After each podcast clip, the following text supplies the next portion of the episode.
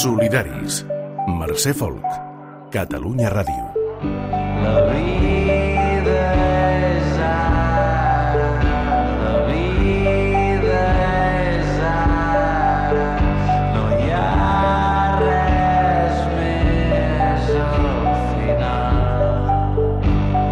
Benvinguts als Solidaris i bon Nadal a tots en la mesura que es pugui, malgrat les pèrdues, la incertesa i la fragilitat social i econòmica que comporta aquesta pandèmia. Ens hem acostumat a viure en presència, sense anticipacions, perquè, com diu Pau Vallvé, la vida és ara. El que hi hagi al final, millor no pensar-hi gaire. En aquest programa especial que ara comença de mitja hora ens dedicarem a repassar els temes que hem abordat durant aquests mesos i les cançons que els han acompanyat. Comencem.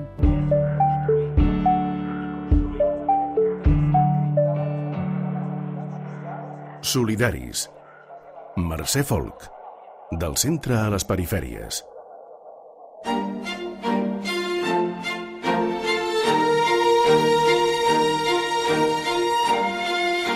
El primer programa dels Solidaris d'aquesta nova temporada va arrencar el 3 d'octubre. Amb la segona onada de la Covid vam voler saber quina relació existia entre salut, desigualtat social i incidència del coronavirus. I vam anar fins al barri del Verdum, al districte de Nou Barris, un dels més afectats durant la primera onada. Allà vam conèixer la història de la Greta, amb dos filles sense ingressos i amb un ordre de desnonament a punt d'executar. Y no soy solo yo, ¿eh? Mm, o sea, mis vecinos han estado mucho peor que yo. Se han visto en la calle sin comer porque había gente, o sea, que es que si no llegábamos ese paquete de arroz, no comían. No. Si no les llevábamos la medicación, no, no se medicaban. Y gente que, pues a lo mejor, yo cobro 690, gracias a Dios. Pero es que hay gente que cobra 130 euros. Ya me dirá usted cómo, cómo lo hace. Entonces, como que el sistema va contra nosotros. En vez de ser como una mano, ¿no? Para el ciudadano, y que si el sistema te rechaza y que luego que si la burocracia te da otra bofetada y que si el coronavirus también el tema mascarillas. Cada mascarilla al principio te, la, daban cuatro mascarillas por la tarjeta sanitaria luego ya no. Ostras no tengo ni para lentejas y tengo que comprar mascarillas. O sea me costaban un ojo de la cara. Entonces nos hicimos mascarillas con sábanas bueno porque lo, con lo que podíamos no La seva història va acabar bé. Els solidaris també ens van fixar en les persones amb discapacitat que viuen en residències i en les seves famílies. Les restriccions imposades per la pandèmia, el distanciament físic i els aïllaments involuntaris els afecten profundament. I vam conèixer el Frederic, el germà gran de l'exalcaldessa de Badalona, Dolors Sabater.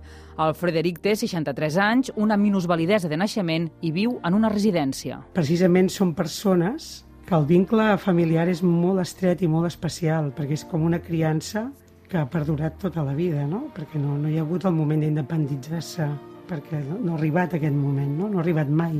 I per tant és un vincle molt fort, també molt carregat emocionalment, també amb molta trajectòria de, de dolor i de molta, de moltes simbiosis i de moltes implicacions de tothom. No? Ell ara ha perdut el... parla molt poquet, però deia paraules i, per exemple, quan va morir la nostra mare, que bueno, ara ara ja ha fet, uh, ha fet 15 anys, no? Però ell, quan va morir la nostra mare, quan, quan l'anàvem a buscar, es passava moltes estones cridant-la, no? Dient mama, mama. I vo- és el que volia dir que molta gent no s'ho imagina, no? Els hi sembla que una persona així, que no s'entera, que no... Que no i, I és, és mentida, o sigui, el, tota la, la història emocional i relacional és molt, molt intensa, molt important, no? Els solidaris també ens vam apropar a l'illa de Lesbos i a la realitat que viuen els refugiats que hi estan atrapats després que un incendi cremés el camp de Mòria, el més gran d'Europa. I ho van fer de la mà del Nabil, de 49 anys, i del Marroc, i que fa 3 anys que no pot sortir de l'illa. Amb quines condicions es vivia el camp incendiat? It's uh, it's a mess. Everywhere there is rats and big rats. Era un desastre. Hi havia rates a tot arreu, rates enormes. Podies veure les aigües fecals perquè les canalitzacions anaven per fora. Ho entens? Tot era brossa, escombraries. Ho entens? Era un infern. Mòria no és un bon lloc, en absolut. Quan vaig arribar el 2017 anàvem 45 persones en una barca, en una barca de plàstic. En qualsevol moment podies morir. No existeixen els drets humans en absolut. Mòria és com una tomba, com una tomba. I es fa negoci amb els refugiats. No entenc com pot ser que deixin la gent aquí per dos, tres, quatre anys. Per quina raó? Això són drets humans? I don't know for what to let people here for one, two, three, four years for what. This is human.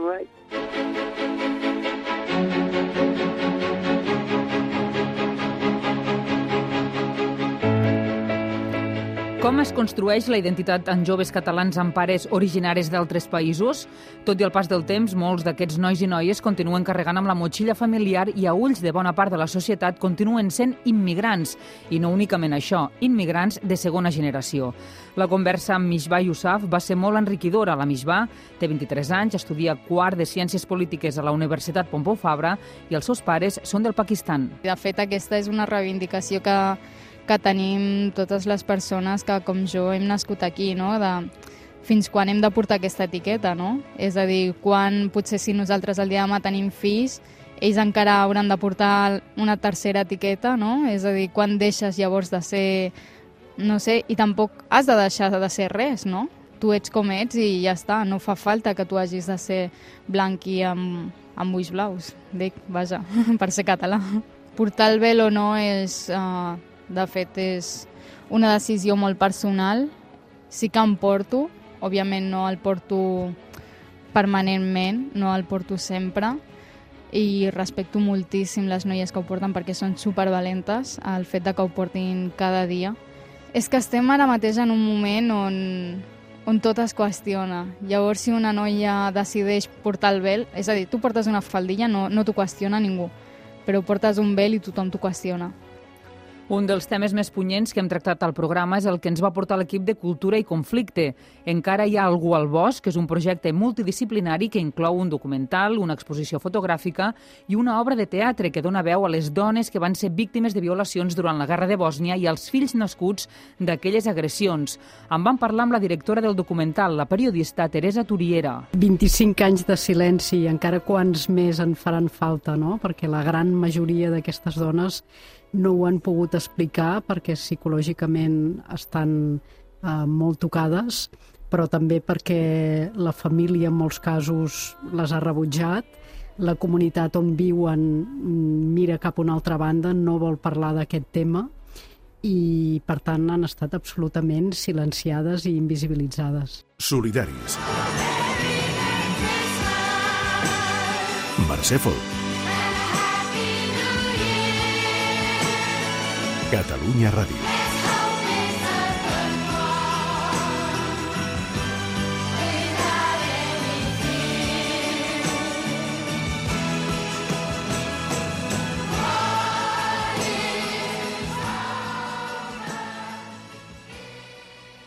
En aquest programa especial de Nadal avui ens fixarem en la música, en l'embolcall que dona sentit al que expliquem i a la manera com ho fem.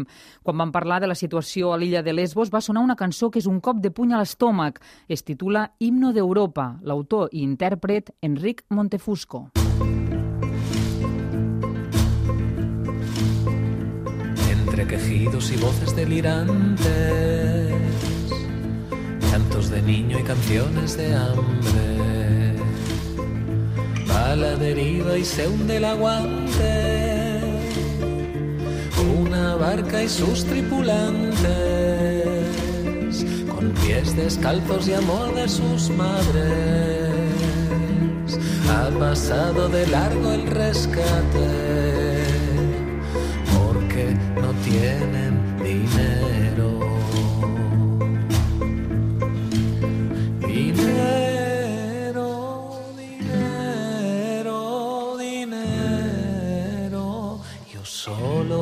Respeto el dinero.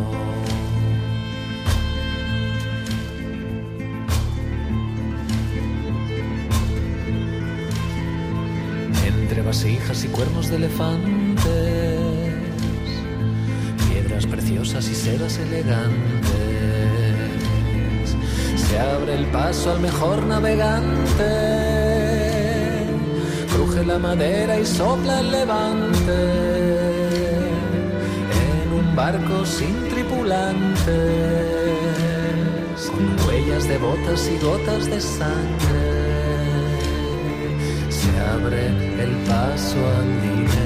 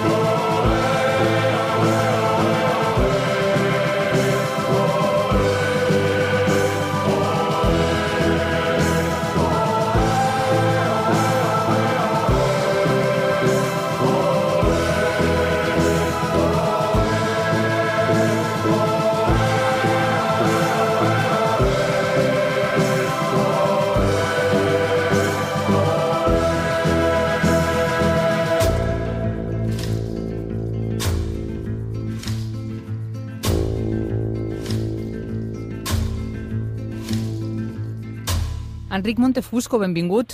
Gràcies per convidar-me. Himno d'Europa és una cançó del 2016 inclosa a l'àlbum Diagonal, el teu segon àlbum en solitari, i s'hi descriu de manera molt crua el patiment de tots aquells que volen arribar a Europa. Explica'm, Enric, què et va portar a escriure-la? Jo la, la veritat és que mai havia escrit fins al moment una lletra tan explícita, sobretot en temes d'actualitat, d'un contingut polític tan directe, tot i que sempre he tingut uh, aquesta una aproximació amb, amb bastant de compromís, però sempre havia estat parlant de coses amb un altre pla. Però realment, no sé, per primera vegada vaig sentir com la necessitat de, de parlar-ne directament, no? També crec que més que mai vaig entendre el seu patiment, que això ho entenem tots, sinó la, les, les raons no, del seu patiment. I, i, i vaig entendre, jo crec, que segurament la, tot allò que m'ha fet patir personalment en la meva vida, que no té res a veure amb la seva, doncs té... Les raons són les mateixes, no? Vull dir, la, els mateixos valors que han fet que, que s'amagi a mi, a mi i a, la, i a la gent de la meva generació, com a mínim, no? Se'ns hagi ofegat en les nostres potencialitats i se'ns hagi desviat del nostre propi camí per, per portar-nos cap a, cap a llocs incerts i que ens fan, ens fan ser pitjors persones on ens fem mal nosaltres mateixos i a qui ens envolta. Eh, les, els mateixos valors són els que amb gent que està en una situació doncs, més dolenta i, i que venen de llocs amb, amb molts més problemes, doncs acaben, en lloc de matar espiritualment algú, l'acaben matant doncs, físicament, no? És, és l'extrem d'aquesta perversió, no? I, I vaig connectar, d'alguna manera vaig connectar com no ho havia fet fins aquell moment. Eh, entenc que, clar, veient el drama de la migració cara a cara, es creen aquests llaços empàtics que després és, és impossible deixar-los enrere. Sí, sí, clar, això, bueno, el drama, el gran drama d'Occident i d'Europa és mm, ja no la manca d'empatia, sinó que, que és que moltes vegades no volem veure, no, no ens interessa o, bueno, hi ha, hi ha molta voluntat, no?, com per, per no ser conscients del que significa el nostre tipus de vida, el nostre, tot, tot l'equilibri que ens, que ens sosté, no? No ens interessa veure què hi ha al darrere perquè no ens convé, perquè és, és, molt, és molt incòmode, no? I, I en el fons tothom està... Bueno, ara comencen a canviar les coses, però fins fa poc estàvem prou bé aquí, no? I, i no, ens intentava, no ens interessava veure massa a costa de què, no? I un cop ho veus, doncs, evidentment, doncs és, és molt difícil oblidar-se, no? El videoclip d'aquesta cançó de Himno d'Europa és de la documentalista Maria Pujol i esculpidor. Als nostres oients els recomanem que, que el vegin, està penjat a YouTube. Es va gravar a les muntanyes del Marroc on malviuen milers de subsaharians a l'espera de poder saltar la tanca. Se'ls pot veure i se'ls pot sentir i tal com deia, és, és, són escenes molt colpidores. Com va anar aquella experiència, Enric? Jo, jo estava treballant amb la Mireia, ella anava a fer un videoclip per mi i em va, a l'hora de mostrar-me doncs, doncs els materials, que, les coses que havia fet, doncs em va ensenyar aquest documental que havia fet, ella va anar amb, amb una altra persona i realment és, uh, és molt fort aquest documental. És dir, tots sabem lo fort les situacions que es viuen allà, però una cosa és saber-ho i l'altra veure-ho, no? I ella ho va fer amb tota la seva cruesa i, a més, amb, amb molt ben filmat, a més, no? Que és una cosa difícil de trobar, no?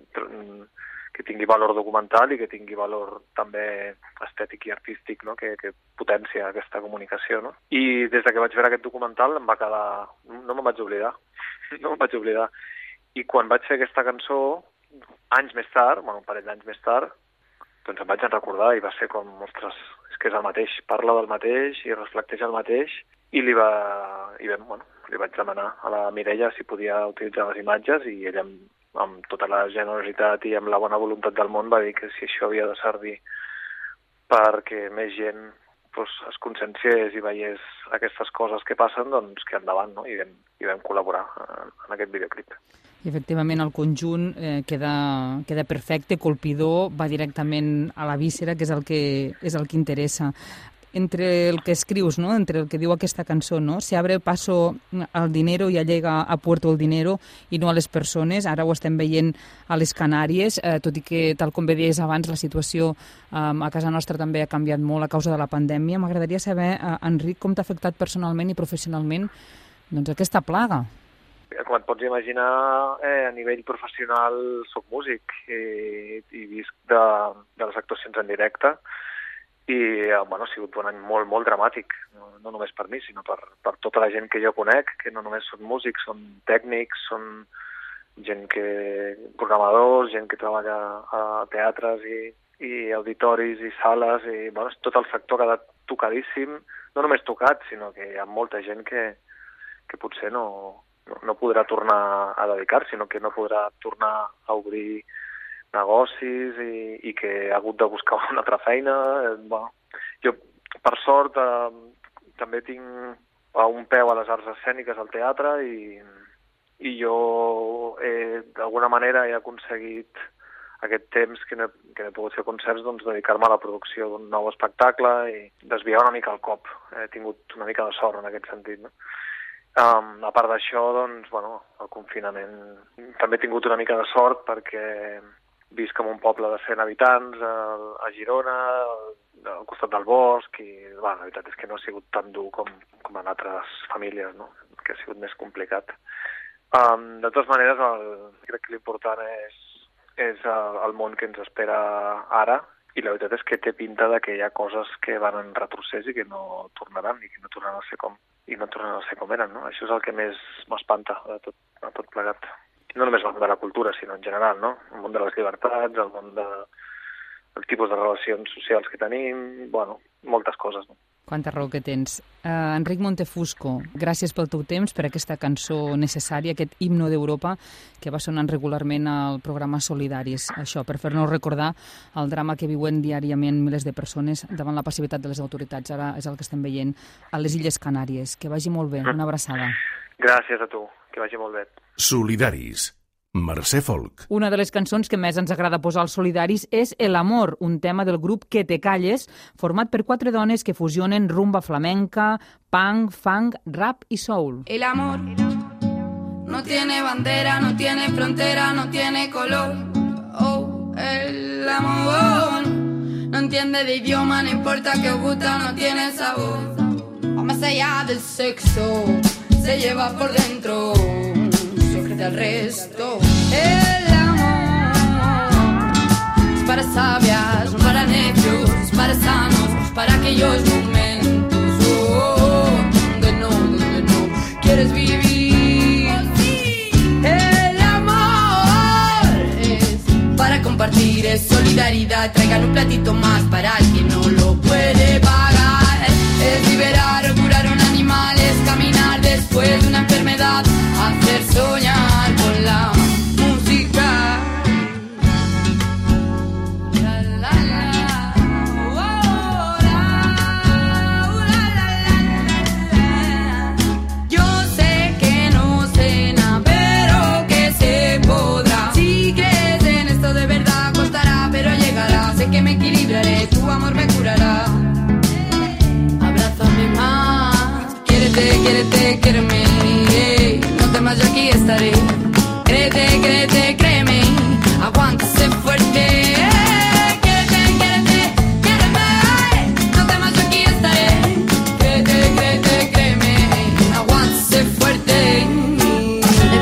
que el silencio enturbia, sudor de frente y la mano sucia. Defiendo a las mías con dientes y uñas, olor a bosque después de lluvia. Retumba por dentro, hace vibrar el techo, viaja a través del tiempo que nos late bajo el pecho. Un aire nuevo se lleve lejos dolor y miedo y como brujas bailarle al fuego. Quiérete, quiérete, quiéreme, no temas yo aquí estaré. Créete, créete, créeme, aguántese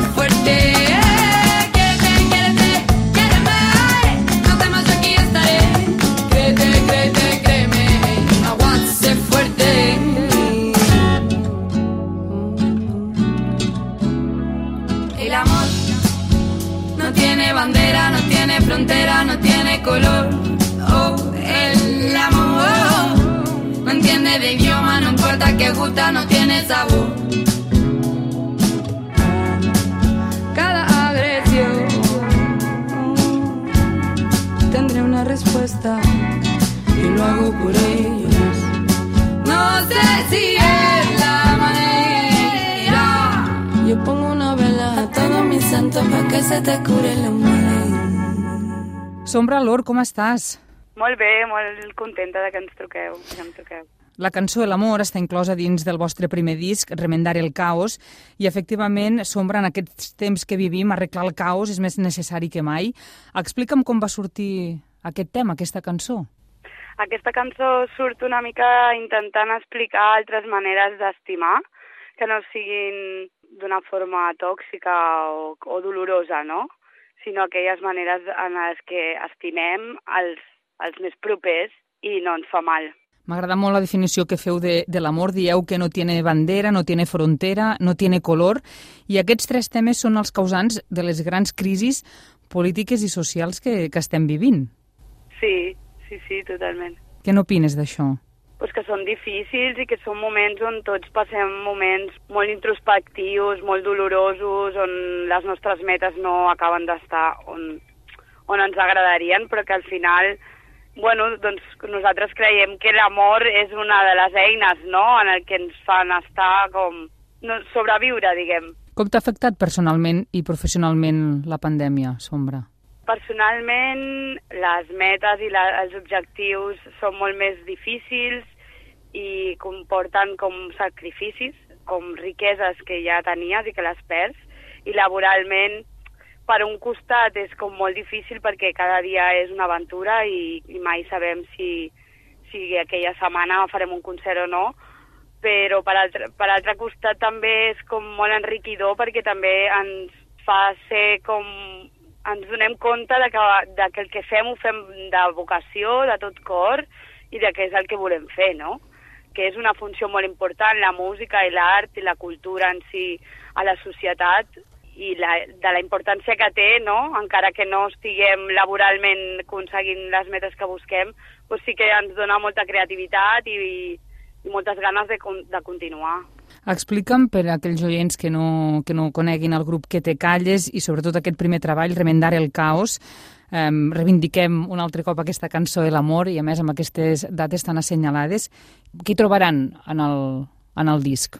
Trobaran música composada per quatre músiques, trobaran música per conèixer el teu propi interior, buscar un camí o, o altres vies que no són les que ja coneixem, un discursos molt diferents o perspectives que igual doncs, són, que no, no s'han tret amb tanta força i música molt, molt diversa, molt de fusió, tot tipus de música, des del rock fins i tot al pop o al flamenc, música de tot tipus, però sempre sonant a un, a un, a un tipus de manera de fer les coses, no? des de la construcció i des de l'estimar, que val la pena escoltar, la veritat totes les vostres cançons, eh, jo que he fet l'exercici d'escoltar-me-les totes, tenen molt aquest compromís eh, polític i de denúncia, no? De, de, de cançons lluita, diguéssim, no? hi ha un esperit crític, però és sobretot des de la part personal. Com tota aquesta part política i sobretot les persones més militants es troben amb que tota aquesta militància, aquests discursos, després de la vida real i la vida personal són una altra realitat i formen part d'accions, de situacions que depèn de com tu actuïs et farà sentir d'una manera o d'una altra i això és el que volem transportar, no tant la crítica social i dirigida a la crítica, sinó a la construcció, no?, de que aquesta, aquest discurs polític després es porti a la, a la vida quotidiana i, i no sigui dolorós. Doncs, Ombra Lor, moltíssimes gràcies per aquest tema, per l'amor i també per aquest disc, Remendar el caos. Esperem que l'any 2021 no sigui tan caòtic com aquest. Que vagi molt bé. Gràcies, fins aviat, moltes gràcies. Bon Nadal. Solidaris. Compañera, amiga, tú, de la primera fila, embestida en rebeldía, eres fuerza que nos guía. I ja que parlem de música i de compromís polític, val la pena recuperar un fragment de la conversa amb la cantant i activista franco-xilena Ana Tijú. Tijú, que s'ha instal·lat a Barcelona, on està enllestint el seu últim disc, va parlar de tot, de la situació a Xile, de la crisi migratòria a Europa i de feminisme. La dictadura nunca se fue en la forma de la articulación de la violencia y la represión.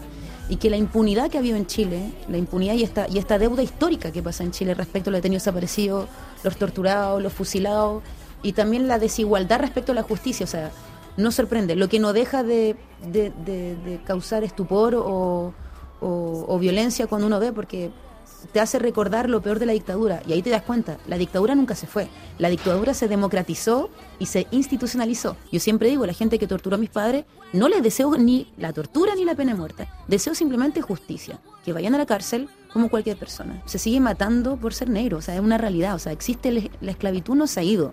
Sigue perpetuándose la violencia y la normatividad de nuevo de, de esta... De esta del tema de los cuerpos, qué tipo de cuerpo puede cruzar, o sea, según tu cara, tu pasaporte, volver a tema de los papeles, porque estamos en la, una era de la construcción del superego, el supercapitalismo y el superego, o sea, el super yo, super guapa, super todo, super botox, super todo, todo como es como la, es como un, un, una atrofia permanente de todo. La culpa es ser libre, la culpable de no querer tener una pareja o no querer, o tener tres, o ser mamá soltera, o de casarte o no quererte casar. Siempre eres culposa. La culpa como que está tan instalada ¿no? en, la, en la sociedad. Entonces, es un trabajo, pero digo, que es permanente.